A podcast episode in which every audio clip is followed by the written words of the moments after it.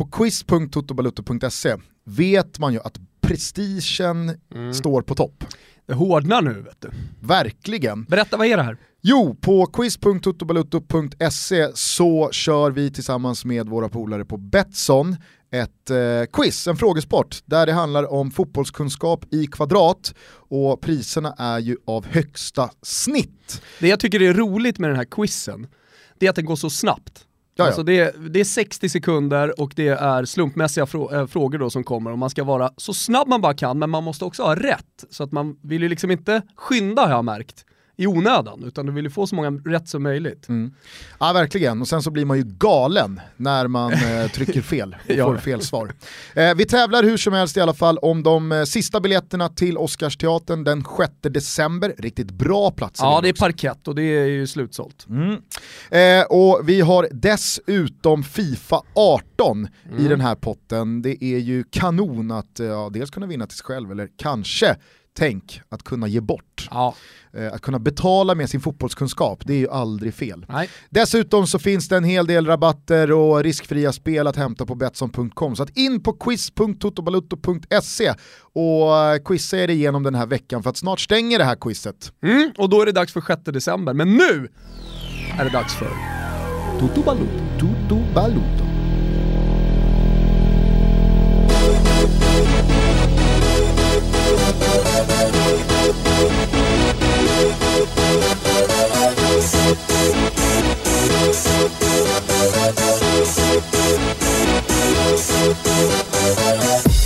For this? Hjärtligt välkomna ska ni vara till Toto Balutto. Det är måndag 27 november och det är starten på någon slags supervecka va? Ja, det är det. Det är ju veckan innan 6 december, när vi har vårt eh, så kallade hundrade avsnitt. Det är många som har reagerat på det, jag undrar. Ni har redan spelat in hundrade. Jo, men det gick inte att boka Oscarsteatern tidigare än den 6 december. Därför så får det bli symboliskt. Men, men det innebär ju en massa roliga saker. Eh, supervecka, vad tänkte du på då? Att det är midweek eller? Nej, jag tänker på att vi släpper tre avsnitt. Ja, bara en sån sak. Ja. Ja.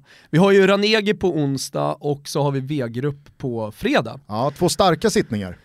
En stark sittning, en eh, något eh, Starkare. märkligare sittning. De var ju starka på olika sätt, Ja, jo, det kan så. man ju verkligen säga. Jo. Men, eh, nej det var... Det var Ingen det var, lättar ju, eller vad ska jag säga, ingen håller ju på hanen så att säga. Nej, det, alltså verkligen inte. Och det var ju till att börja med då, det får ju alla höra på onsdag, eh, det, det var ju en... Eh, det var en gasig sista eh, halvtimme, 45 minuter med Ranegi, när det kändes som att, ah, ja, fuck it, har jag sagt A så kan jag säga B. Ja, det, men det, det, var, det var liksom som att så här, nej, men jag ska hålla, hålla lite på mig här. Jag, jag, jag, jag ska verkligen göra det. Och sen så råkade han säga något och tänkte, äh vad fan, vi kör. Ja. Och sen så några dagar senare så satt vi ner med Jennifer Wegerup och inledde ju det avsnittet på, ah, det var riktigt tungt. Det Ja. var... eh, Ja, det får de lyssna på på fredag. Mm. Men eh, fint som snus var det i alla fall att det slutade i dur. Mm. Eh, Jennifer verkar må bra eh, och eh, vi fick ju ganska så unika inblickar i hennes eh, fantastiska arbetskarriär. Ja, verkligen. Inte minst då alla de här åren där hon har varit så nära Zlatan Ibrahimovic, saker som inte har kommit ut tidigare. Så, det, det tror jag många kommer tycka är väldigt intressant att lyssna på. Jag var ju med om att bilden av Pippo Inzaghi förändrades Ja, för all just det, framtid. just det, just det. Vilken cliffhanger. Eh, på tal om det, fan eh, Gattuso, ny tränare i Milan. Ny tränare i Milan, Gattuso, alltså de före detta Milan-profilerna, de, de, liksom, de bara står på rad och får ta över som eh, man i Italien säger, traghettatore, färgkaptenen som ska ta färjan in i hamn. Eh, det är ju en liten, jävligt delikat, fin eh, eh, sägning, just traghettatore, man säger interimtränare här. Eh, det är nästan så att det blir en metafor, bara ordet. Caretaker. Ja exakt, caretaker. I Italien då, då är det färjan som ska tas i hamn. Milans säsong är ju, i och med att Montella får sparken, att eh, beskrivas som ett fiasko redan nu, alldeles oavsett vad som händer. Det, händer. det är såklart det kan vara så att man eh, upplever stunder som är eh, liksom, eh, fyllda av glädje jag menar, det finns Coppa Italia, man, det finns derbyn, stora matcher som man kan vinna. Så det, är, det är klart att man, man kan hitta lite glädje vad, vad det lider den här säsongen. Men alldeles oavsett så är det ju ett fiasko för Montella i sparkad, man ligger alldeles för långt ifrån toppen och toppen ser otroligt bra ut, det ser stabilt ut, det finns ingenting som tyder på att någon av de här topp 4-lagen kommer att missa eh, en massa poäng. Vilket betyder liksom att ja, Milans säsong 2017-2018 är ett fiasko. Mm. Rätta mig om jag har fel här nu, nu går jag bara på uppstuds i mitt huvud. Men under de senaste tio åren mm. så har nu Milan alltså haft eh, Filippo Inzaghi, man har haft Gattuso, man har haft Sedorf, man har haft Montella, mm. man har haft Sinisa Mihailovic och Leonardo. Alla som tränare. Jo. Det kanske är läge att börja liksom rikta in sig mot lite mer rutinerade tränare som har bevisat sig själva mm. Ordentligt. Problemet är ju, alltså, när man nu sätter sig i den här situationen och det går åt helvete med Montella, det är att man behöver ju bara någon som tar över. Man behöver gärna också i, i Milan som har spenderat så mycket pengar, en lösning som också rent ekonomiskt funkar. För att man kan inte ta vem som helst helt, äh, nu. Och jag tror också man behöver lite betänketid, man måste tänka till. Hur fan ska vi, hur, hur ska vi göra i framtiden? Jo, jag menar bara att... Vad, vad, vad vad är det som ska göra så att vi gör en Valencia, Atletico Madrid, Borussia Dortmund och så vidare. Så här, hur kommer vi tillbaka till toppen igen? Eh, och ja, jag tror ju det du säger här med att man, tar, alltså att man söker efter erfarenhet och rutin, det är nog spåret att gå för Milan. Oavsett vad som händer med Ancelotti, men alltså där har du ju, där har du ju rätt väg att gå tror jag. Ja. Nej, för att, eh, jag vet inte om du har något att säga emot här, men det känns ju som att Ancelotti och Allegri det är de enda tränarna som har lyckats med, med Milan på 2000-talet. Ja, faktiskt. Och jag menar Allegri var ju ändå bespottad i slutet, alltså, han fick ändå ta en hel del skit när han lämnade. Eh, och så nu, vet jag också, med facit så... Och jag vet också att liksom så här, ja, Allegri, han är också gammal spelare, men det är inte alls på samma nivå som ja, de här... Det är inte Milan, alltså, Livorno-spelare. Ja, det är inte de här eh, legendarerna Lugn. som vi ja, precis har räknat Nej, upp här. Men du vet ju också vad, vad man har med sig från eh, Allegris eh, eh spelarkarriär han kallas för Lasciuga, mm. alltså eh, han var så asciutto som man säger i Italien när man är deffad. Eh, att han bara då kallas för ansjovisen. Eh, också smal, mm. men ändå. Eh, det blir ja. kul att se ifall Gattuso kan bjuda på nytt guld på presskonferenspodiet. Ja, då har ju nu eh, Benevento borta. Vi kan ju tänka oss då Benevento tar sina första poäng mot Gattuso, Gattuso skallar någon jävel och får sparken. Ja. Eh, Rijeka och sen Bologna hemma. Ska vi lyssna på eh, hur det lät när Gattuso satt på podiet här? Det tycker jag. E quello che scrivono sui giornali sono tutte cazzate. Um, Shit. Sì. Smalachie. Uh, it's Malakia, 100% Malakia. Everyday Malakia, everyday Malakia. Thank you. Man, man, gillar ju de italienska utbrotten, Malesani, vi har Gattuso, vi har Trapattoni, eh, Strunz! Strunz! Vem är bäst av det där? Malesanis, Katso, hur många är det? Jag vet inte, då räknar vi. Ba, kan vi inte bara få in 10 sekunder av varje? Och så, kan vi ha lite, man behöver inte ha en omröstning, men bara, bara för att känna på de italienska utbrotten. Tutti i giorni, cazzo! Non è possibile una roba del genere, vergognatevi, cazzo! Ma come dove siamo, cazzo? Cos'è diventato il calcio? Una giungla, cazzo! Cosa ridete? Che? Cosa ridete, cazzo? Con voi bisogna dire bugie e fare i ruffiani, come coi tifosi. Io non lo sono, cazzo! Aber gesagt, sie nicht spielen für die Italiener äh, Meisters. Struz! Struss ist zwei Jahre hier gespielt, sein Spiel. Ist immer verletzt. Was erlaubt Struss? Letzte Jahre Meister geworden mit Amann, äh, der Liga. Diese Spieler waren Spieler. Er war Meister geworden. E quello che scrivono sui giornali sono tutte cazzate. Um, Shit. Sì. It's malachia. Uh, It's malachia. 100% malachia. Everyday malachia. Everyday malachia. Thank you. Trapattoni är ju... Alltså en italienare som säger strunt, det är... Ja. Ja, men, Stronzo. så måste man, måste man också egentligen se det här, för det är ju att Trapattoni ja. står där i en gammal mjukisdress. Det gör ju halva grejen. Ja, det kanske gör det. Ja. Hur du... som helst, jag är ju nyss hemkommen från eh, Belgrad va? Ja, du har varit och stökat runt, eh, eller kanske var lugn alltså? Ah, det, det, det, har väl... Jag vet att det inte var lugn Det har väl eh, varit utslag åt båda håll ja. på någon slags eh, barometer. Så det ska vara också. Eh, men, men ska jag uppdatera lite då? Jag har skrivit ett eh, svepish. Ja, precis. För att eh, det, var, det, var inte, det var inte liksom eh, en vanlig helg i, i fotbollskonsumtion. Det blir Nej. ju sällan det när man är på resande fot. Ja precis, och det- verkar jag- också som att serberna inte, eller de, de serbiska barerna inte har investerat i eh, de tunga rättigheterna. Alltså det är helt sjukt. Vi kommer där lördag lunch, sätter oss då, vi, vi eh, frågar oss fram till the Den big, bästa. the big square, Republic Square. Eh, och då Det där- finns det liksom det där- panoramafönster ut mot Stora torget och så står det bara Sport Café, the world's best sport bar. tänker man, härligt, här har vi kommit rätt. Kommer upp, frågar, eh, vi skulle vilja se Manchester United där. Nej tyvärr, vi sänder inte Premier League. Är det där Hotell Moskva ligger? Ja det är 500 meter därifrån. ja, du ser, jag kan mitt Belgrad. Och eh, how, vad, vad, vad erbjuds då? Annika får kolla på Norwich Preston. Jag ska tillbaks till Norwich Preston kan jag säga, för där utspelade sig kanske, nu, nu har jag inte på fötterna här med, med hela då eh, utbudet att jämföra med, men jag skulle nog vilja lova att där utspelade sig de absolut bästa 10-15 minuterna i fotbollseuropa den här helgen. Får jag bara snabbt eh, testa dig på om du har lärt dig någonting efter att ha varit i Belgrad? Ja. Ja, det är ju som bekant porten till väst, eh, Belgrad. Eh, men vilka två floder möts i staden? Eh, Donau igen, Mm. eh, och sen så hette ju den andra helvete. Ja, men, Fan vad det är så. du, får, du får ett rätt då. Ja. Ja. Nej men jag, jag vet ju vad den heter. Fyra bokstäver börjar på S. Exakt. Sava. Sava. Ja, eh, det, men ändå, du får, du får ändå godkänt. Tack. Det är inga, inga toppbetyg. Men eh, här kommer i alla fall eh, eh, helgen i korthet då, då sånt som jag har fångat upp. Eh, så ni får hålla er, vi börjar i England. Där han som är Vigge med hela svenska folket stod för en fläckfri insats mot Brighton. Med Bailly Jones eh, skadade behövde Västeråssonen en stor prestation för att göra livet i alla fall lite tuffare för sina lagkamrater som snart är tillbaka. Och som han svarade upp mot den kritik som trots allt sköljt över honom under hösten. Det här missade du va Gusten? Nej, jag, alltså, jag, jag såg inte matchen live, men jag har ju tillskansat med detta. Ah, okay. mm. Ja, han överglänste till och med Zlatan i rubrikväg och kanske är det den stora bedriften. Och ett tecken på något. Det kändes i alla fall fräscht att fokusera på något annat än Zlatan i en krönika om Manchester United.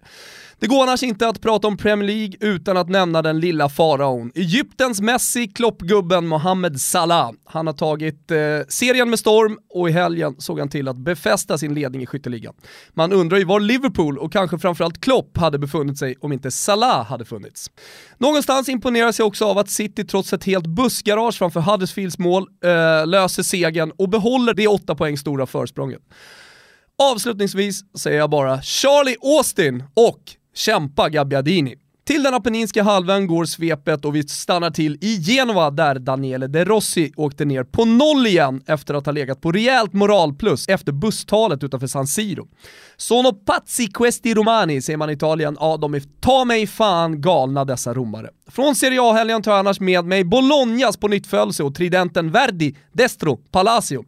Jag tar med mig det faktum att VAR börjar sätta sig och att Napoli även kan vinna utan att spela drömfotboll. Det blåser jävligt snålt i Milanos rödsvarta kvarter, men det har vi varit inne på precis innan vi spelade in så fick alltså Montella sparken. Sa jag Icardi förresten? Annars säger jag det nu. Maurito Icardi, vilken gubbe.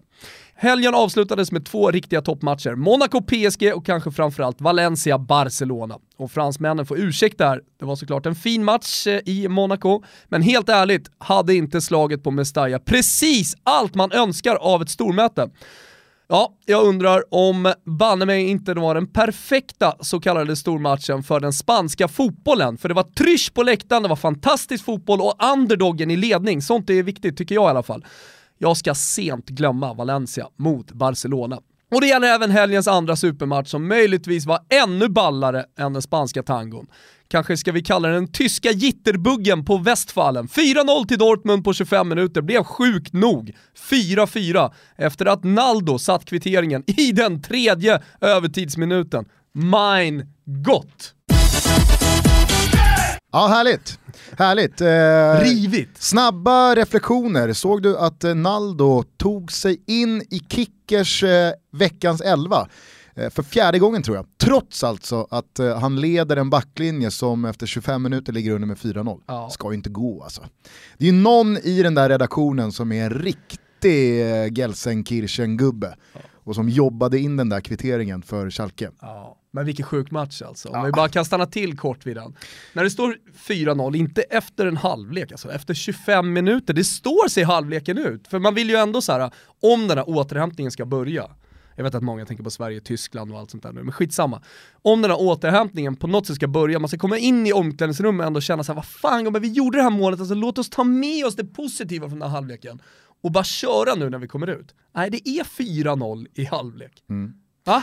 Ja, det är otroligt. Jag satt ju på en utservering i, i Belgrad och eh, får frågan av min kompis. Hur många bärs in var det då? Ah, inte jättemånga ändå. Nej, okej. Men får då frågan av min kompis, eh, hör du, eh, Dortmund till 1,70 hemma mot Schalke, är inte det bara supernypa? Och jag säger så här, nej nej nej nej, det är ju kanske helgens största avslag. Alltså Dortmund är ju under isen och Schalke ligger tvåa, de går kanon, det är liksom, jag menar, Bosch spelar med jobbet som insats här. Schalke har helt enkelt någonting på gång den här säsongen. Ja men Och exakt, alla, alla som har följt Pöler vet att Schalke har någonting Ja, på gång. jo.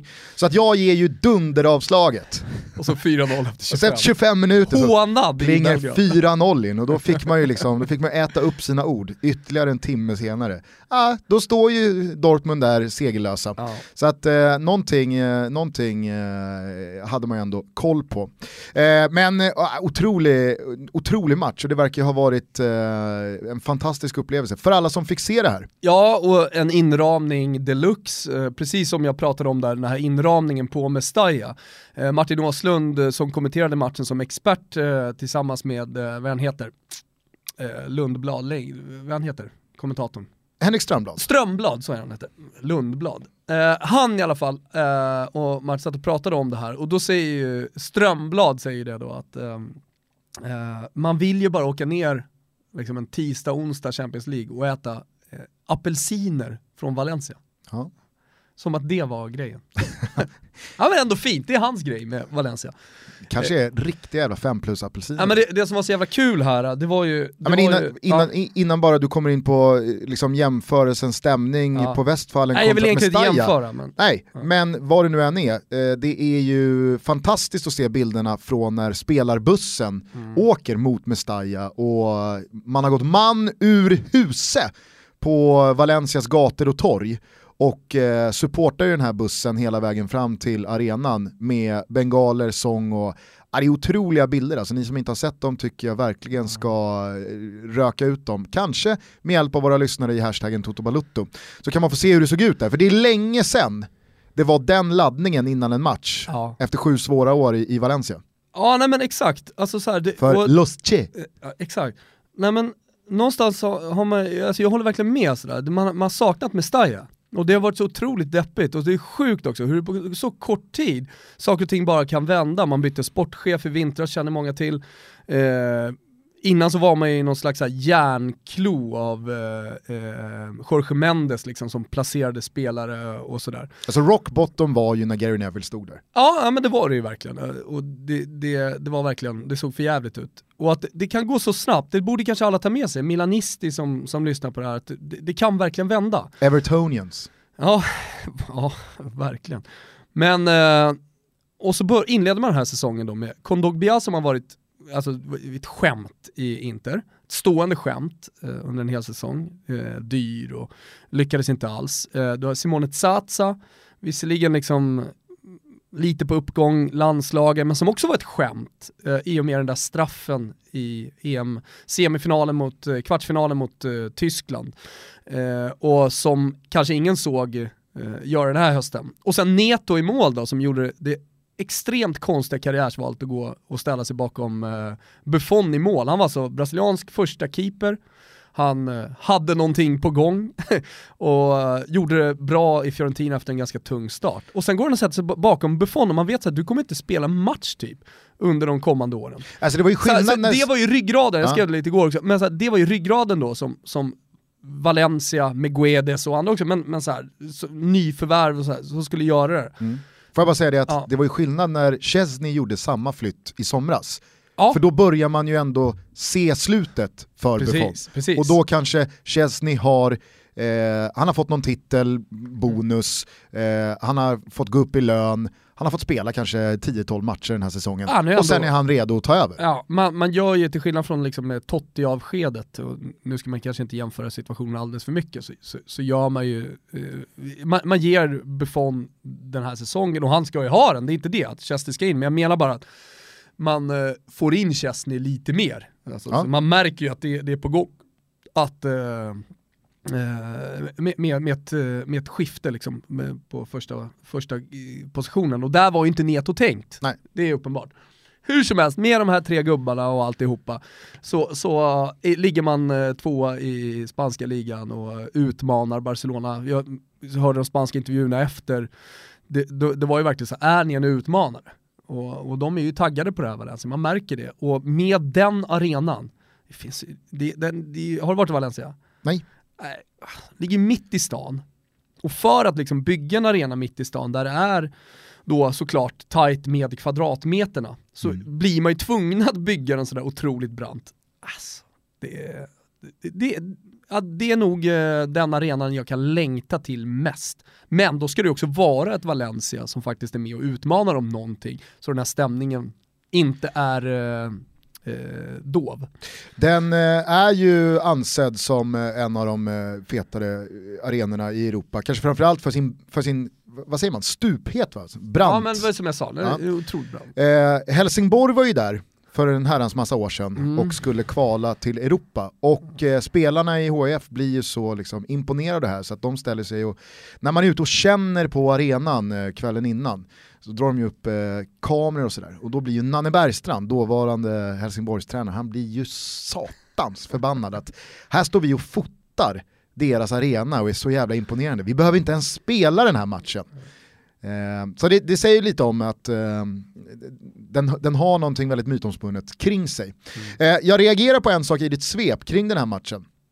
Som kanske är en liten så här freudiansk felsägning, vi får väl se hur du ställer dig till det. Men du kallar ju den här matchen perfekt. Den hade allt. Och då kan ju inte jag som eh, videoteknikmotståndare eh, låta bli att omfamna det faktum att de har ett, den har ett spökmål. Alltså en boll som är hundraprocentigt i mål, men som inte döms korrekt. Jag tycker det också då bidrar till att ja, men den har allt, den är perfekt.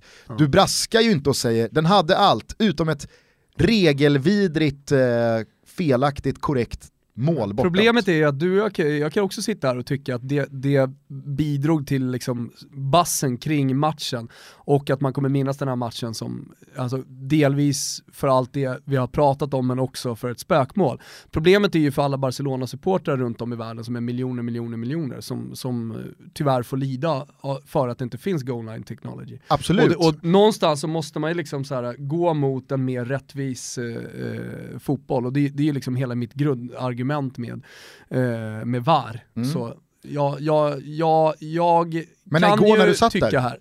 Ja, men igår, Stökeriet och tumultet så kände du ändå, fan det är, det är den bidrog kring surret liksom och att det Ja. blev eh, diskussioner, men jag hade ju hellre, alltså helt ärligt så, hellre goal line technology, ah vi fick, vi fick en Hawkeye liksom i den här matchen, det var också kul.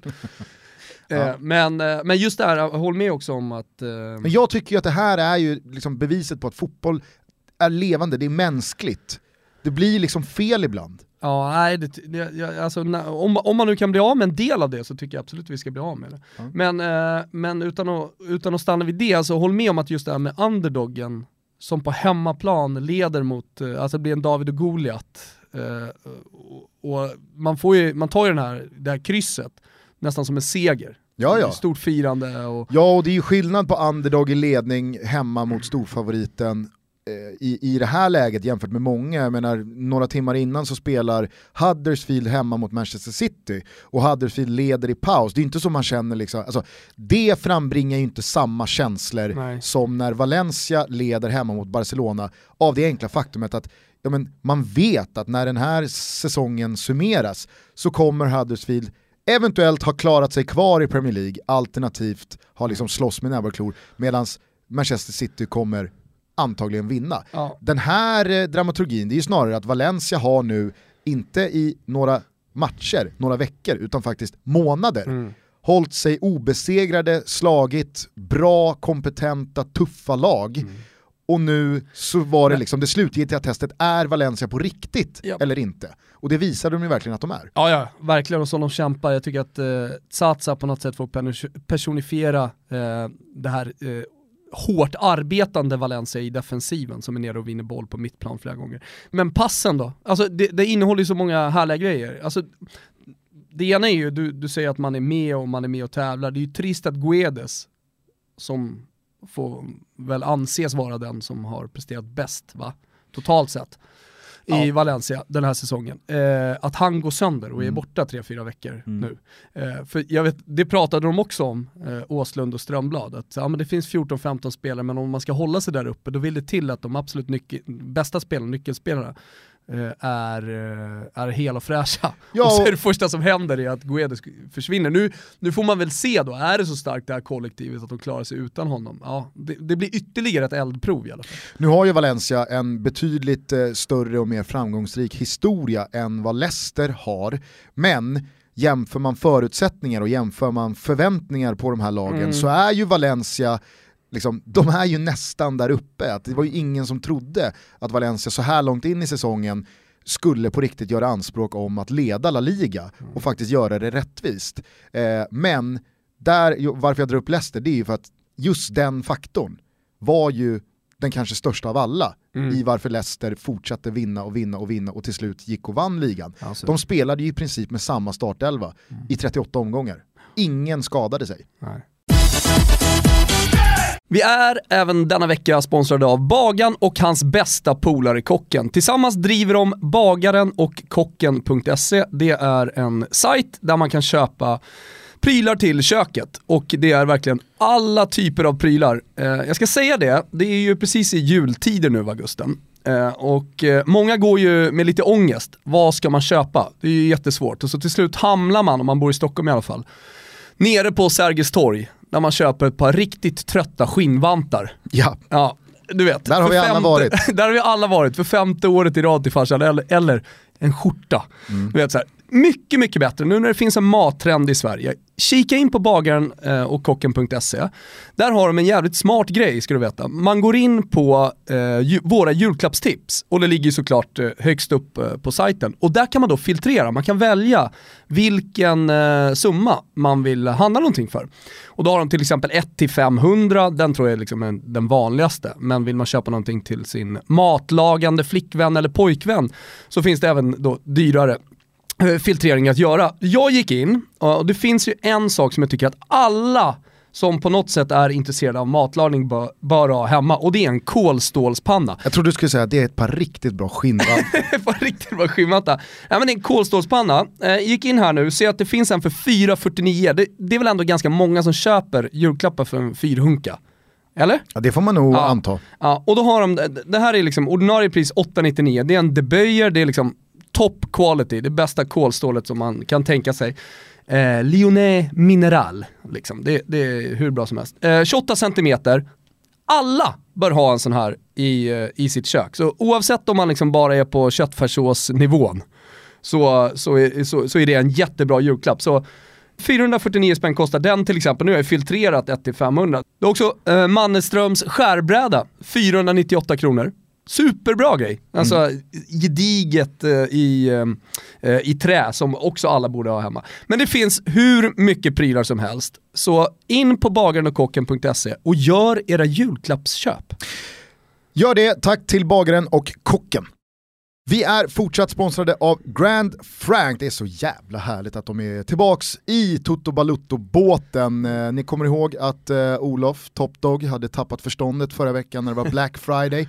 Han bara fortsätter, han verkar inte ha Återhämtat sig riktigt. Han verkar inte återhämtat sig över helgen utan nu är det Cyber Monday. Va? Ja, visst vet du. Och då levererar han följande kanonerbjudande på grandfrank.com. Hela sortimentet täcks av det här. Handla för 1000 spänn, få 10% rabatt på hela ditt köp. Handla för 2000, få 20% på hela ditt köp. Handla för 3 lax och få 30% på ditt köp. En härlig stege. Precis, det här är en rabatt som dras automatiskt i kassan. Jag återupprepar då att eh, det är hela sortimentet som täcks av det här. Mm. Och det gäller hela vägen fram till imorgon tisdag. Då. Så att eh, ytterligare ett kanonerbjudande från grandfrank.com. Eh, har man liksom svårt att eh, fylla på eh, grejerna under granen eller varför inte sina egna byrålådor, ja, då, då är en eh, galen toppdag Olof här till er hjälp. Eh, in på grandfrank.com, puss till er. Men du, eh, får man bara liksom så hoppa land lite som man vill här? Ja. Eh, Händelser från, från helvete, vi ska komma till Premier League alldeles strax Ja. tänkte jag. Eh, men, Ska du till Marassi? nej jag skiter i, nej jag orkar inte prata om... Nej, om, jag, jag vet att du kanske inte orkar, jag, jag, jag menar bara, jag låg ju där, jag kom hem från den här fyra dygn långa grabbresan i Belgrad. Man man var inte stark, Nej, nej, man man är inte stark. stark. Är fosterställning och så. Och så ligger man i soffan och bara liksom, vinn bara det där. Mm. Och så gör ju El Shaarawy ytterligare ett sånt här mål Mm. där touchen är liksom så här. vad fan händer med Karl? Goldelex. Ja, men, vad, alltså, vad är det för mål Ja. killen har radat upp senaste månaden? Mm. Och det här, det här målet han gör igår mot Genoa, han skjuter, liksom, han skjuter bakåt. Det är så jävla, och så skrev jag det på Twitter, El Shaarawy ut, avslut, bättre än Ipren. Mm. Och nio minuter senare så är, det, så är De Rossi där då. Örfilar Lappadula, straff, rött kort. Jävla märklig örfil. Hopp-örfilen. Men eh, jag vet, skit, skit, i, skit i Roma här. Eh, innan, ja, men jag tänkte bara kolla en grej med dig, för innan säsongen när Bonucci gick till Milan Mm. eh, så var det stora rubriker och många i Italien minns nu en rubrik och det var att Bonucci skulle då rubba balansen inom den italienska fotbollen. Alltså att han gick till Milan, Milan det rubbar hela balansen i Serie A, det vill säga att eh, Juventus blir svagare, Milan blir starkare, det blir liksom, ja. Han gjorde ju, in, han är väl på den lite grann, så man kan väl kalla det för ett självmål, jag vet inte om du såg det. Det är ett inlägg, eller ett inlägg, det är ett, det är ett skott mot eh, ett öppet mål, han, glidta, han ska glidtackla bort bollen. Och av någon konstig anledning så går den liksom mellan benen på Bonucci. Otroligt eh, märkligt hur han inte får bort den bollen i alla fall. Men då är det någon, eh, något geni eh, på sociala medier som har lagt in bara ordet equilibrio, som betyder då balans, precis framför eh, Bonuccis fot. Så när han kommer och sparkar, för han liksom försöker ju sparka bort bollen men missar den, så sparkar han bort ordet equilibrio. Men då tänkte jag bara kolla med dig, alltså att en spelare ska rubba balansen i, hela, i en hel liga, det är ju eh, ganska magstarkt att, att säga, o, oavsett hur bra Bonucci hade varit i Serie A. Men har du några gubbar så på uppstuds som du säger, så här, fan de skulle rubba balansen på en hel liga? Hypotetiskt nu, Ja, eller historiskt? som nej man hypotetiskt. Minns, liksom Hypote- ja, eller, eller ja, alltså, nu får du ju ingen betänketid, du kanske kommer på någon, någon liksom, historisk värvning som rubbade balansen en gång i tiden. Men eh, om, alltså Messi är ju en så här, skulle han gå till, eh, vad vet jag, nu, nu, är den så konstig hypotetisk så det går ju knappt att Nej men att jag göra, tycker ju att eh, liksom Neymars övergång i somras, den rubbar ju någon slags balans Ja, i det fotbollen. var det jag det var inte bara jag i tänkte på. Barca, inte bara i PSG, Nej. utan i liksom, alltså det- är ju en, det är en milstolpe transfer Ja, som man kommer ha som ett riktmärke om Mm. 20-30 år, när man pratade om fotbollen kring den här tiden. Mm, man, man får väl se hur Champions League slutar eh, den här säsongen, men eh, PSG är ju för jävla starka alltså. Ja, precis. Och det är ju liksom så Och här, Barcelona känns i alla fall, nu är det ny tränare och andra saker som också påverkar säkerligen, men, men de känns ju inte riktigt eh, sådär Barcelona, Barcelona-aktiga. nej, De bara kör över. Men det är, ju, det är ju en värvning och den görs samma sommar som man dessutom köper Kylian Mbappé.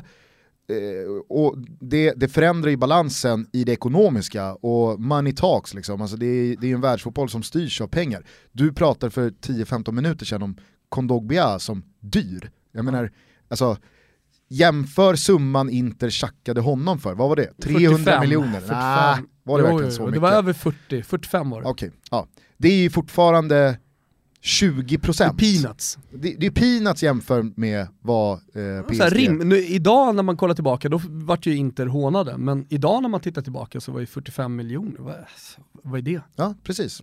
Det, det är Vigge, Ja. Vigge Lindelöf, Ja. samma pengar, ish. Så att, eh, ja, men det är väl en sån här värvning som eh, förändrade balansen. Eh, jag tror också att en sån här balansvärvning, som jag minns, var ju när Manchester City plockade Tevez från Manchester United. Mm. Alltså det var en sån här, man hade ju inte riktigt tagit City på allvar jämte United Nej. fram till den värvningen gjordes. Att okej, okay, nu tar City spelare från United. Mm. Och än idag, alltså nu, nu går det ju absolut att, att tala om att City är förbi och ibland ganska så långt förbi United. Mm. Men i, i, i tecken av storhet sådär, nej, då kanske man inte ska, ska... dra allt för stora växlar kring, kring uh, Citys jakt. Men när, Eller jag, kamp nej. mot United. Nu, nu, nu fick ju inte den värvningen riktigt det utfallet som jag i alla fall trodde, men att Iguain gick från direktkonkurrenten Napoli till Juventus. Man plockade samtidigt in en annan direktkonkurrents nyckelspelare, det vill säga Pjanic, från Roma in. Då tänkte jag att de, de spelarna tillsammans skulle rubba balansen ytterligare mot att Juventus skulle bli ytterligare överlägsna. Och nu har man, nu har man ju ett par jag har en värvning till. Ja men det, jag, jag, tror det är dit jag försöker komma, du får hålla lite på den så ska vi se om det är den. Ja. Uh, men men uh, det som verkligen rubbade balansen i den italienska fotbollen till Juventus fördel, det var ju när Pirlo gick gratis från Milan till Juve. Ja. Var det den du tänkte på? Nej, jag tänkte Götze till eh, Dortmund. För han var ju först eh, att lämna. Och det var ju liksom ändå två klubbar som hade mötts i en Champions League-final. Dortmund hade tre raka ligatitlar. Sen lämnar Götze, Lewandowski och Hummels, mm. alla till samma adress. Inte samtidigt? Nej, inte samtidigt, men Götze var ju först. Alltså det mm. var ju eh, den balansrubbande Ja men även om man kanske inte transfer. fick det utfallet riktigt så här. Sjukt att tänka på att... Inte Götze, jag, jag, menar bara att nej, den förstår. symboliserar Absolut. ju där Bayern München lämnade Borussia Dortmund bakom mm. sig. Mm. Och idag så är det ju ett glapp som, det går ju inte att förstå hur Dortmund ska ha hållit Bayern bakom sig tre raka ligasäsonger och att de möttes i en Champions League-final. Kommer man tänka... Bayern kommer ju dit igen. Ja. Men det kommer ju inte Borussia Dortmund. Om Ken Sema blir klar för Malmö FF, kommer man tänka på den värvningen som eh, när Pirlo, eller Iguain då, gick till, eh, till Juventus? ja, men så överlägset bra han har varit den här säsongen i Östersund. Och så går han då, om han nu skulle gå till Malmö. Men så här, ett, har han varit lite. överlägset bra? Nej jag vet inte fan. Två, ska man prata om Ken Sema i samma Försöker vinna lite Östersunds sympatier här kanske, jag vet inte. Och där ligger du inte på plus? Nej det gör jag inte. Nej, jag tror att för ditt eget bästa så ska du hålla dig på liksom bärsa Östersundsflanken. Ah, okay, okay. eh, nej, men jag vet inte, det är alltid svårt eh, att, att, att lyfta in svensk fotboll att jämföra med i och med att det är sån stor skillnad i hur man, man ligger till eh, näringskedjamässigt. Mm. Svenska klubbar är ju vet. alltid till slut spelare som vill lämna Sverige. Nu gick det ju som det gick med Sarfo visserligen, men alltså Malmö FF har ju tagit på sig någon slags eh, Bayern München-stämpel eh, eh, roll inom den svenska fotbollen, att liksom så här, bara dra ut nätet och sen så fånga de finaste fiskarna. Eh, om man skulle ta Kansema så är det ett exempel på en succésäsong där eh, eh en, ja, det kanske stora en av de stora succéspelarna kommer till, till Malmö. Jag skulle snarare säga att symbol, det, det, det, det mest laddade symbolvärdet i Malmö FF, det är ju förlängningen med Anders Christiansen. Mm. Det är ju på riktigt en game changer i svensk fotboll. Han kan ju fortfarande gå. Det är klart att han fortfarande kan gå, men att krita fem nya år med Malmö FF i åldern av 27. Alltså det här är inte Marcus Rosenberg, det här är inte någon som har varit ute i åtta år och liksom så här, äh, typ Nisse Johansson, alltså Nils-Erik Johansson kom till AIK och då var inte han mycket mer än 26, 27 men han har ju stannat i AIK trots topprestationer för att han också har haft tio år utomlands. Han har tjänat lite pengar, han har varit med om jävligt mycket saker. Anders Christiansen, han har ju inte sex år i Premier League och tre Nej. år i, i Bundesliga och nu känner, äh, vad fan jag trivs bra i Malmö, jag kan stanna här. Utan han är i ett läge av karriären där han hade kunnat gå i princip lite var som helst och tjänat grova stålar. Men ändå så sänder Malmö FF signalen att vi förlänger fem år med Christiansen. Mm. Ja, jag håller med om det, men skulle man då ta Sotte och eh, Kansema, då är det fan eh, liksom någon slags eh, balansrubbning. Då... Alltså på tal om stökiga presskonferenser, då vill du ju se Kimbergs presskonferens. Ifall liksom Sotte och Kansema bråkar sig bort ja. och går till Malmö FF. Ja. Då kan ju topplocket flyga alltså, Speciellt, ja, men jag tänkte på det efter att Östersund blev klara då. Avancemang och kommer spela 16-delsfinal.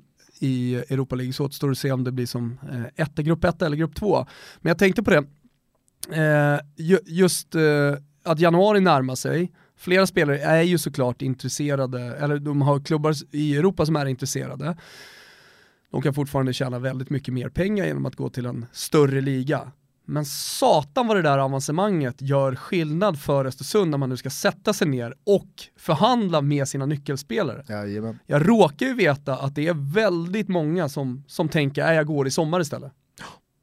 Jag Absolut. fortsätter här i Östersund. Och, no, och då vet man också att någon, det kommer komma en massa bud, någon som tackar nej, stannar kvar i Östersund, eh, kommer ju att antingen skada sig eller missa sin livschans att tjäna riktigt tunga pengar för att man har gått vidare. Det, för, för det är ju en sån det är en sån stämning i Östersund just nu. Ja. Och man vet dessutom liksom. att liksom, pengarna rullar ju in ju bättre det går i Europa League. Ja, ja. Och när du nu är klar för slutspel, jag menar, visst, du kan ha oflyt med lotten eh, och få värsta tänkbara redan i första omgången. Men så som det har sett ut, framförallt hemma på Jämtkraft, så är ju liksom så här, jag ser det inte som omöjligt att man kan överleva både en och två slutspelsomgångar i Europa League. Och då är det ju cash som också är så här, Ja, ja.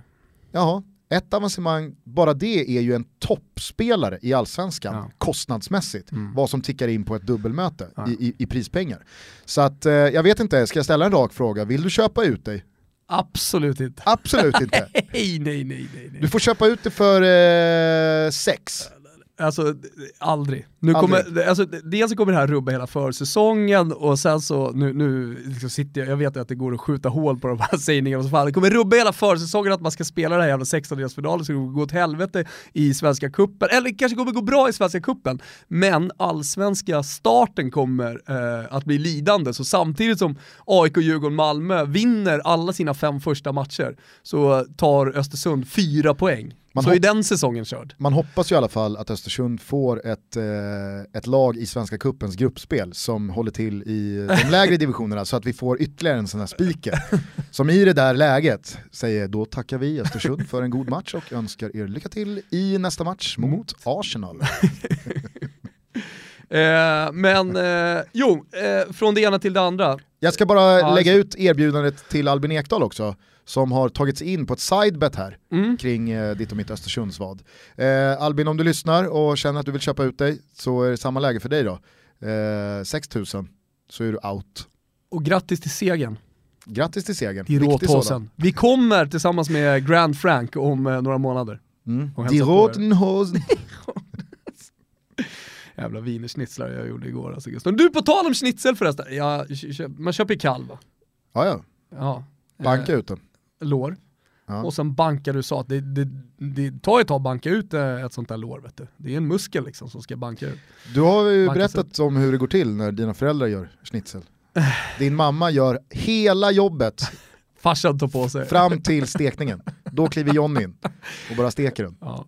Och tar åt sig all ära det, vid var, bordet. det, var, det var sanslösa schnitzlar. Och jag tänkte på, det hände ungefär samtidigt när jag gjorde de här schnitzlarna, som jag såg att Bonucci, du vet hans son är ju stor Torino-supporter. Mm. Vilket är lite lustigt då eftersom farsan spelar i Juve. Eh, Efter man, hans stora idol, sonen alltså, är ju Il Gallo Belotti.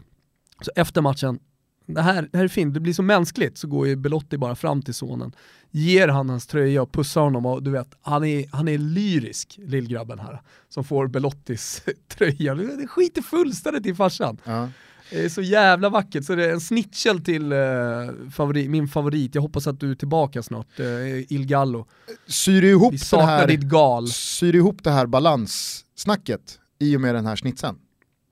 Nej, jag ville bara ge en schnitzel till, eh, till Belotti för jag tyckte det var så jävla fint gjort. Ja. Och det var, till hela den här scenen liksom att eh, Jag ska snart pussa lill Bonucci och Bonucci som står bredvid och liksom ler och kolla vad glad min, min grabb blir som får Il Gallos tröja. Jag ska snart utmana och eh, förmodligen krossa din schnitzel med en annan Äh, schnitzel. det, schnitzlar ska inte krossas, man kan dela ut schnitzlar. Det här, här var liksom en, en, eh, en lagom schnitzel. Ja, jag ska Min då- schnitzel får ju den största schnitzeln.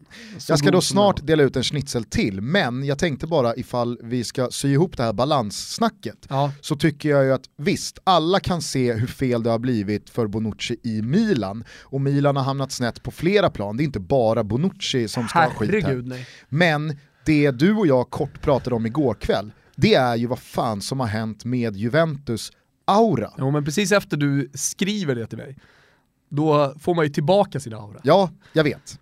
Men eh, i den här första halvleken då hemma mot Crotone, eh, du har förlusten borta mot Sampdoria ja. senast, eh, du har i Champions League-matcherna mot Barcelona, men kanske framförallt Sporting, eh, så är det ju ett Juventus som inte alls ser och känns lika, lika övertygade om Nej. sin egen förträfflighet Nej. längre. Nej. Det, det, finns liksom en, det finns ett kroppsspråk hos många spelare som nästan är, det ser, det ser grinigt ut och man pekar på varandra och man slår ut med armarna och jag tror, jag tror auran är lite skadeskjuten, men jag tror att man kommer komma tillbaka lite som man gör i andra halvlek. Jag tror, jag tror att det är en bra, jag tycker att det var en bra spaning igår, och vi ska absolut hålla utkik, eh, eller vi, vi ska hålla ett extra öga på Juventus aura i kommande matcher. Ja. Eh, och jag tror att här är ju den stora pusselbiten Bonuccis exit. För att jag tror att väldigt mycket av den här auran har bottnat i det järnförsvar mm, som Juventus har haft med Bonucci, Chiellini, Barzagli och så Buffon där bakom. Men lägg till nu, när du säger det så tänker jag också på att eh, Buffon har varit väldigt känslosam, han har sin sista säsong, han eh, var med om det här uttåget, eh, förlusten mot Sverige, eh, han liksom stod över någon match, att liksom Bonuccis tårar också kanske har bidragit att han inte haft samma liksom tydliga eh, vinnaraura i omklädningsrummet. Buffon menar jag förstås. Ja. Eh, eh, samma liksom, tydliga vinnaraura i omklädningsrummet. Att eh, folk liksom bara tittar, fan Buffon är ledsen. Mm. Och sen har hela Juventus eh, påverkats av det. Och sen Kanske ska... är det det som är den stora, stora, stora grejen. Ja. Buffons tårar. Och, och, samtidigt så tittar jag på Rugani och tycker bara så synd om honom. För att alla är så här Ja men kom igen nu Rugani. Han har ju en betydligt vaniljigare alltså, aura än Bonucci. Ja det får man verkligen säga. Han är en bra spelare men ja. Ja men och så står Benatia där och man vet att liksom ingen i Juventus vill ju ha in Benatia. Det är liksom... Sjuka målskyttar igår. De Chilio smäller upp den i nättaket. Ja. Och sen Benatia på det. Ja, jag vet inte, det är, det är någonting som balansmässigt har rubbats i Juventus eh, i form av eh, Kanske inte aura hela och självsäkerhet och sådär. med Bonucci. Eller så är det, eller så är det balansrubbningen just att eh, Bonucci lämnade, då tappade Juventus någonting med sin aura. Det är kanske är det som är då. Att visst, nu skojar man kring Bonucci och att uh, han, han, flyttar liksom balansen, inte ett skit åt Milans håll, men att, fort, att värvningarna och det faktum att han lämnar Juventus ändå var så pass uh, liksom stort, rent symboliskt. Ja alltså året det, innan så nämnde nu, du det. Att det nu hjälper Inter och Napoli ja. att, uh, att vara med i toppen. Och du pratade ju om det, året innan så är det Juventus som tar Iguain från Napoli och mm. Pjanic från Roma. Och den här sommaren så är det Juventus som får se en av sina absoluta mm. nyckelspelare mm. lämna för en annan italiensk klubb. Sen så kan du ju verkligen diskutera det valet av Bonucci, men det förtar ju inte det faktum att han faktiskt lämnade Juve. Så att, äh, ja, någonting är det. Jag tänkte ta mig till bara en grej som jag såg i City, men du kanske vill ta din schnitzel först då, för du kände så jävla taggad på den. Alltså, jag, jag, jag, jag tycker att vi börjar, vi börjar min schnitzel med att uh, lyssna till uh, det här. Oh, the assistant has a problem. And Andy Davis called into action here. A few last minute stretches. I bet he wasn't expecting to be running the line today. So we've got a break in play here. Well, we've managed to find a replacement assistant on this near side, but we now need a replacement fourth official. Are there any uh, budding fourth officials in the crowd that we could turn to to help us out here? have they found somebody? I think they have. David Thornhill, a Norwich City supporter, and he will be the fourth official. Oh, I love it. This is fabulous. There he is in his jeans, dressed for the occasion. There'll be 10 minutes on the board if he can work it. Here it comes, big moment. Yay! Well done, David. Single moment. Why not? Why not? Men på tal om mänskliga eh, saker. Så fotbollen känns ibland så jävla omänsklig på, på toppnivån. Att det är liksom bara robotar som går ut och så spelar de och, och alltihopa. Eh, nu har vi haft en helg då med massa känslor överallt och vi hade Bonucci här och lillgrabben och alltihopa. Alltså det här, det här blir ju fotbollen också någonstans, även om det bara är Championship, blir den ju ändå mänsklig. Alltså inte bara ändå och inte bara mänsklig, utan den, den, blir ju liksom allt det du vill se. Det finns ingen fjärdedomare, så de tar en snubbe från läktaren. Ja, men det som händer är, alltså det här är ju den matchen som jag har konsumerat eh, liksom, från vissla till vissla den här helgen. Det var det som visades Eller på den bästa i, sportbaren i hela Belgrad. Det här är den match jag konsumerar från vissla till vissla i Belgrad. Och då sätter man sig och liksom så här, jaha, nu är det Norwich mot Preston i 90 plus tillägg som gäller. Och det är så dålig fotboll i första halvlek egentligen hela matchen. Det är så jävla svag fotboll så du fattar inte. Sen så blixtrar det till i ett läge där en spelare, eh, en anfallare i, i Preston tar liksom ner en felvänd på bröstet och vänder sig om i samma situation och drar en bicykleta i ribban. Och allt bara stannar upp. Vår gemensamma kompis, producenten på eh, Discovery, John Witt, han, han, liksom, han tappar det. För att det är liksom så här, Gubben tappar det. Ja, det ska inte ske. Vi har precis bevittnat eh, 40 minuter av den sämsta fotbollen vi har sett på år och dagar. Och helt plötsligt så gör en anfallare i Preston en aktion som liksom, du ser inte den i, i, Champions League om du kollar tre säsonger. Ah, det var otroligt. Eh, men det som händer då i slutet, det är ju liksom någonting man kommer bära med sig och alltid kommer vara tacksam över att man fick uppleva live. Eh, linjemannen drar ju ljumsken. Och satan som han drar ljumsken. Han drar ljumsken på ett sätt jag aldrig har sett. Det är inte liksom aj aj aj, det här går inte, jag måste byta. Utan han, han, har, han har ett minspel som verkligen är, nu är det kris. Alltså jag kan, jag kan stryka med här nu.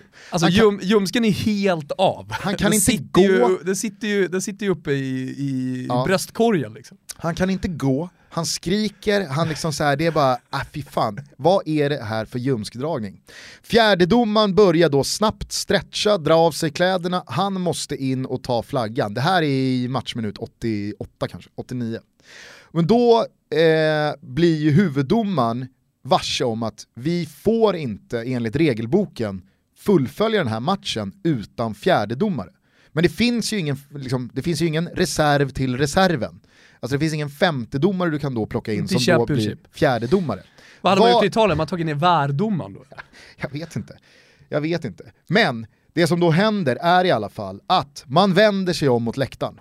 Har vi någon... Men är inte någon spelare som också pekar mot läktaren? Så Hej, vad fan, ta någon jävla gubbe från läktaren. Nej, Norwich lagkapten, Hanley.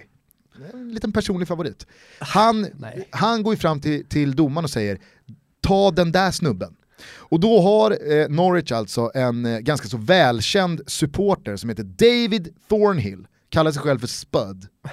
David Spud Thornhill. Han vinkas ner från läktaren. Var har vi spöd någonstans? Ja. Där, där, spöd. Och det märkliga här är att han vinkas ner från läktaren och när han kommer i bild första gången då har han alltså kängor, ett par plufsiga, eller pösiga jeans och bar Uber.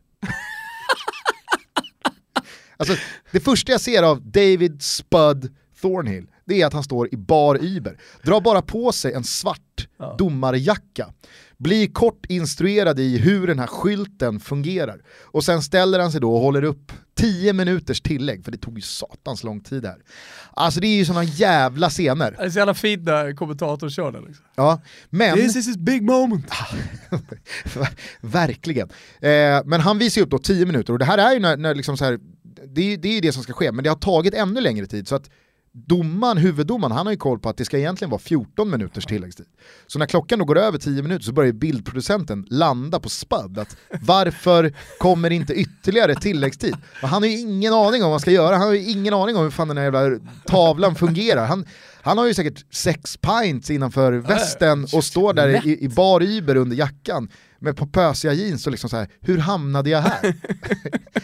Nej, det var otroliga scener alltså. Och även fast det var i slutet av dagen en riktigt dålig fotbollsmatch, 1-1 Norwich, Preston, ah, så, så vet jag ju att jag kommer ju alltid kommer... komma ihåg den här stunden. Folk, folk hade sitt rorderby, 4-4, Dortmund Schalke. Jag hade Bandet. David Spud Thornhill på Carrow Road som vinkas ner från läktaren. Tillsammans med gubbarna i Belgrad. Ja, det är en resa att minnas kanske och Ja. det, är en, eh, det är en match att minnas. Så liksom Eh, en schnitzel till hela Championship, för den blir ju oftast sparkad och spottad på. Blir den det? Ja, verkligen. Okej. Eh, så att eh, schnitzel till att man får vara med om sådana här stunder, Tveksam till om den blir sparkad och spottad på. Som det blir den. Ska vi bara snabbt dra in en gulasch till... Eh, ska vi bara på, liksom, tvärvända och dela ut en rykande het skolmatsgulasch till Robinho? Ja, det kan vi göra. Vad är det som har hänt där? Han är ju misstänkt då, eller åtalad eh, i, i Italien. Han är väl dömd? Dömd till och med, sorry. Eh, så ska det väl överklagas i oändlighet som det görs i Italien, men till nio års fängelse för att han varit med om en gruppvåldtäkt på ett ställe, uteställe i Milano. Och det ska ha skett under tiden han spelade i Milan? Jajamän. Ja. Mm. Där, där, där, är det, där är det stora gulascher, stekheta, vidriga jävlar, rätt över Robinho då. Fy fan. Mm. Fy fan. Eh, jag nämnde City och att jag trots allt ändå imponeras att man lyckas lösa, för det, det är en sällan skådad lågt sittande buss, de är liksom inne i, i eget straffområde. Eh, men, eh, och så löser man det ändå. Men det är en sån här grej som man också har snurrat på sociala medier som jag ändå skulle vilja ta upp. Man, ofta när man pratar om tränare, vi satt ju här med agenten Thomas Andersson nyss och, och snackade tränare i allsvenskan. Och jag frågar då nyfiket liksom, vad är hans grej och vad är hans grej? Och varför är liksom eh, eh, Pojan så extremt liksom, eftertraktad, vad är det han gör? Och, och sådär. Eh, och, och då liksom fastnade jag också på den här grejen som har snurrat eh, på sociala medier när eh, Pep Guardiola instruerar Sterling hur han liksom ska hantera eh, en situation. Eh, Att, att han ska flytta kroppen på ett visst sätt. Typ- Och sen så gör han, man, man ser verkligen tydligt på Guardiola som visar med hela sitt kroppsspråk att du ska ta emot den så här, du ska spela tillbaka och sen så ska du vrida det så, inte så. Liksom. Och jag tror att många som har lyssnat på Toto Balutto har sett den här, annars så kan ni säkert hitta den hashtag Toto Balutto eller googla på Pep Guardiola Sterling så kommer ni få upp den. För det, det, det är så jävla tydligt liksom, hur han instruerar och sen på matchen så händer exakt den här, de här två minuterna som Guardiola passionerat liksom försöker lära Sterling. En eh, engelsk landslagsman, redan hyllad, eh, etablerad världsstjärna och så vidare och så vidare, får då instruktioner för hur han ska röra sig på planen. Och så bara pang händer det i, vilken match är det? Ja, det är ju senaste Champions League-matchen hemma det. mot Feyenoord. Ja, fy fan. Det, sånt där tycker jag är så jävla mäktigt att se. Mm. Ja, jag håller med om att det, det är väldigt mäktigt att se och man sitter ju och liksom tänker, ja fan det, det, det här är ju skillnaden mellan Pep Guardiola och alla andra tränare. Ja, Harry Redknapp går inte ut och kör den. Nej. Samtidigt så kände jag när jag låg där borta i Belgrad, fan vad jag vet att det här kommer bli en grej. Fast och sen tycker så, att det och sen så, är en Och sen så kommer Thomas säga till mig, vi ska inte ha med den i Toto Balutto. Jag vet, Niva men- satt ju och körde den här i studion igår i, i Viasat. Ja visst. Och så tänkte jag bara ännu mer. Vi stekar det här Så då. tänkte jag bara ännu mer att Thomas kommer ju rent principiellt då känna, det här är gjort, det är sagt, vi ska inte fira inte, på bollen. Vi har satt uh, stämningen. Men Ah, ja. Niva satt ju och refererade till exakt samma klipp och... Kim, Kim, superproducent Kim Wirsén får helt enkelt bestämma om vi ska ha det här. Ja. Ja. Ja, det, var i alla fall, det berörde mig, på något sätt så berörde det Ja, mig. ja, det berörde mig också och eh, det finns ju ett inte alls likadant klipp, eh, den handlar om en helt Men hur många grej. kollar på den där sändningen med Niva? Det kan inte vara mer än 2-3 tusen. Vi är ju för fan 250 000 lyssnare här. Fan. Det är, det, Ja, jag visste i alla fall att jag ska inte vara den som tar upp Nej. klippet på Pep Guardiola och Sterling, för då kommer du säga, fy fan vad tamt. Ja. Du är tolva på den bollen. Ja, ja. Det är så gjort det här.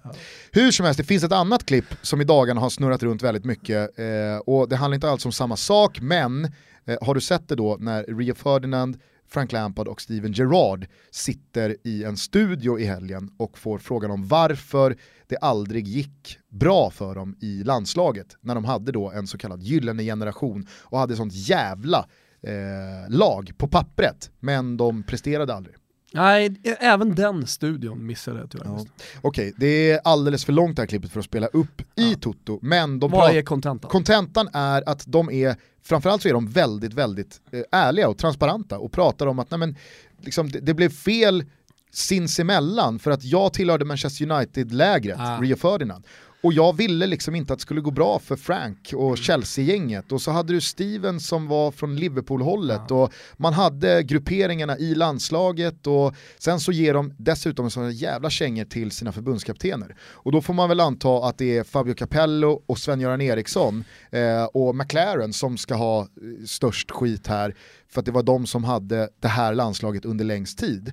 Men att de då inte, till skillnad från, som de menar på, världstränarna av idag, att hur ställer vi upp taktiskt och formationsmässigt för att få ut max av våra bästa mm. spelare. Det gjorde inte Nej. de här förbundskaptenerna utan de hade sin idé att så här ska vi spela och även fast det inte funkade så Eh, där, sätter du, där sätter de ju, tycker jag, eh, huvudet på spiken vad jag tycker att en tränare ska göra. Man ska få ut maximalt av den spelartruppen som man har. Alltså, ja. Janne Andersson nu, ja, han får ut maximalt av, av det. Eh, Ventura, exemplet eh, åt andra hållet, spelar eh, Insigne centralt på ett mittfält. Nej, det är inte så du får ut maximalt av Insigne Ventura. Det ja, hade till och med en blind höna kunnat sett. Kanske framförallt att inte spela honom alls. dessutom. Ja. Liksom.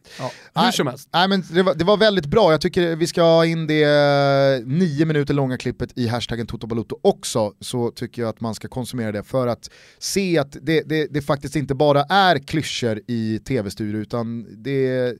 det är liksom insiktsfullt från spelarna som är de enda som kan svara på det, de som faktiskt satt i det där omklädningsrummet och var på den där planen. Och de pratar om att det var sån jävla märklig situation att i landslaget så kommer man och Eh, man trodde liksom inte på det. Nej, man, det, det, var psykiskt så hade man ställt in på att det, det kommer inte gå det här. Nej. Trots att man bara har spelare som anses vara några av de bästa i världen at the moment på sina positioner. Mm. Ah, mycket, mycket intressant. Eh, jag tycker att vi ska avsluta det här eh, segmentet i lite samma ände som vi började, fast i Sverige. För att var det någonting som skedde, alltså jag slår ju på min telefon efter att ha tagit mig ner till Belgrad möts ju då bara av sms. Nu är det 23 spänn minuten, men 150 kronor megabyten. Ja, de är inte med i EU då. Alltså. Nej, så det dröjer ju eh, ytterligare några timmar innan jag då eh, De vill så gärna vara med i EU. Ja, det, det Serbien. får man anta. Men Nej, det de dröjer ju då... jättegärna vara med. Det dröjer, det dröjer ju då ytterligare några timmar innan jag får wifi och då liksom kommer ju allting, för att torsdagen var ju helt otrolig mm. vad gäller den svenska tränarkarusellen och tränare som har lämnat. Olof Mellberg och Valentic hoppar av BP. Häcken och Stare går skilda vägar.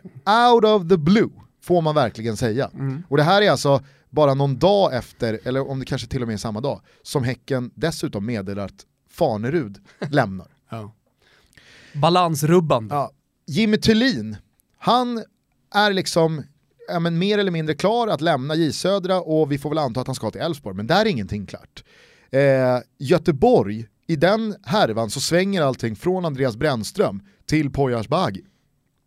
Det börjar dessutom då när Mellberg lämnar pratas om att vad händer med honom nu? För att han lämnar ju inte BP eh, när man har gått upp i allsvenskan, eh, man har precis fått dit hans polare Majstorovic som sportchef. Alltså, han lämnar ju inte för att, som det nu snackas om, ta något sabbatsår och chilla lite. Alltså, det köper jag inte för fem öre. Det nämns AIK, i AIK så finns Bartosz som har hämtats in från Frej. Han är het, vart ska han? Brännström sitter fortfarande kvar på kontrakt i Dalkurd och har ett jobb i allsvenskan. Jävla soppa alltså. Utifrån då, Andreas Alm, Jörgen Lennartsson, Axén-gubben, ja. eh, Peter Svärd, Alltså det, det, finns en waiting list. Och så finns det också rykten där nu hela tiden som det här med Mellberg till AIK och massa sådana där grejer som snurrar. Det är en situation just nu i den, den, svenska toppfotbollen jobbmässigt som är helt jävla otroligt mm. spännande alltså. Och det är ju så svårt att då särskilja vad som är skitsnack, ja. vad som är rykten, vilka rykten som har någon slags bäring i sig ja och vad som faktiskt är helt andra grejer. För mm. det är ju komponenter man ofta glömmer. Mm. Alltså det kan handla om eh, att man eh, har på ett privat plan anledningar att söka sig någon annanstans. Ja. Eh, den här tiden eh, som vi lever i nu, med allt som metoo bidrar till, så tror jag heller inte att man ska underskatta saker som sker i liksom, det namnet heller. Nej. Där är jag helt övertygad om att det finns... Det har påverkat även den allsvenska äh, tränarkarusellen säger du? Absolut. Oh, absolut. Okay. Eh, så att, nej, det är... Det Vill du som eh, Mattias Ranegi också säga B?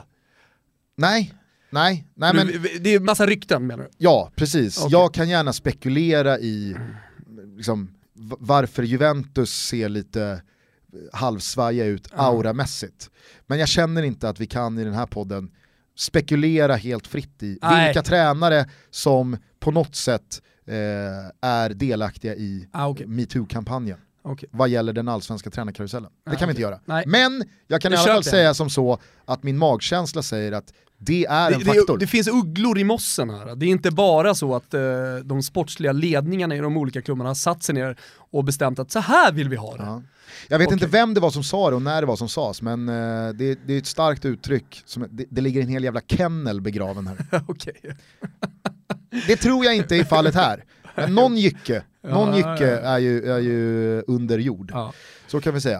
Eh, men, eh, det blir jävligt intressant att följa den fortsatta tränarkarusellen här i eh, allsvenskan och superettan och den svenska fotbollen.